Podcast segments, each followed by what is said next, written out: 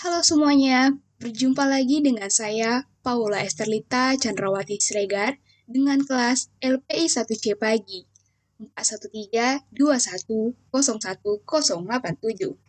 Saya akan membahas mengenai literasi berita hoaks di internet terhadap ketahanan pribadi mahasiswa. Penggunaan internet membawa konsekuensi pada cara berpikir dan cara bertindak dalam menghadapi beragam informasi yang disajikan. Kemudahan untuk memberikan informasi melalui media sosial memberikan dampak positif dan negatif. Seringkali, informasi di berbagai media sosial menimbulkan kegaduhan, keresahan, dan dapat memecah belah masyarakat, yaitu berita hoaks.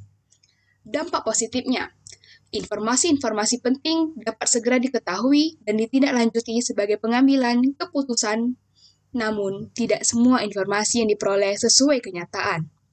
Terkadang, informasi yang tidak benar kita dengar di kalangan masyarakat tersebut tidak jelas kebenarannya. Sulit membedakan bahwa informasi tersebut benar atau hanya sebuah hoaks. Dalam kenyataannya, sering kali informasi yang ada di media sosial dapat berdampak buruk bagi masyarakat. Sayangnya, masyarakat cenderung mudah percaya dengan penyampaian informasi daripada kebenarannya, tanpa upaya untuk mencerna dan mencari informasi yang dapat lebih dipercaya. Terkadang berita yang benar justru terlambat sampai dan tidak dipercaya kebenarannya oleh masyarakat. Dengan ketidaktahuan mereka mengenai berita hoaks, maka dapat berpengaruh terhadap ketahanan nasional. Ketahanan nasional dapat terpengaruh apabila berita-berita hoaks tersebut memicu tindakan-tindakan anarkisme.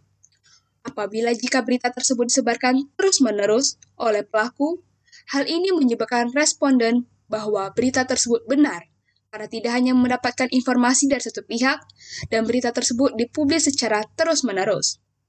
Untuk menalah dan mencerna kebenaran berita, masyarakat memerlukan kemampuan literasi.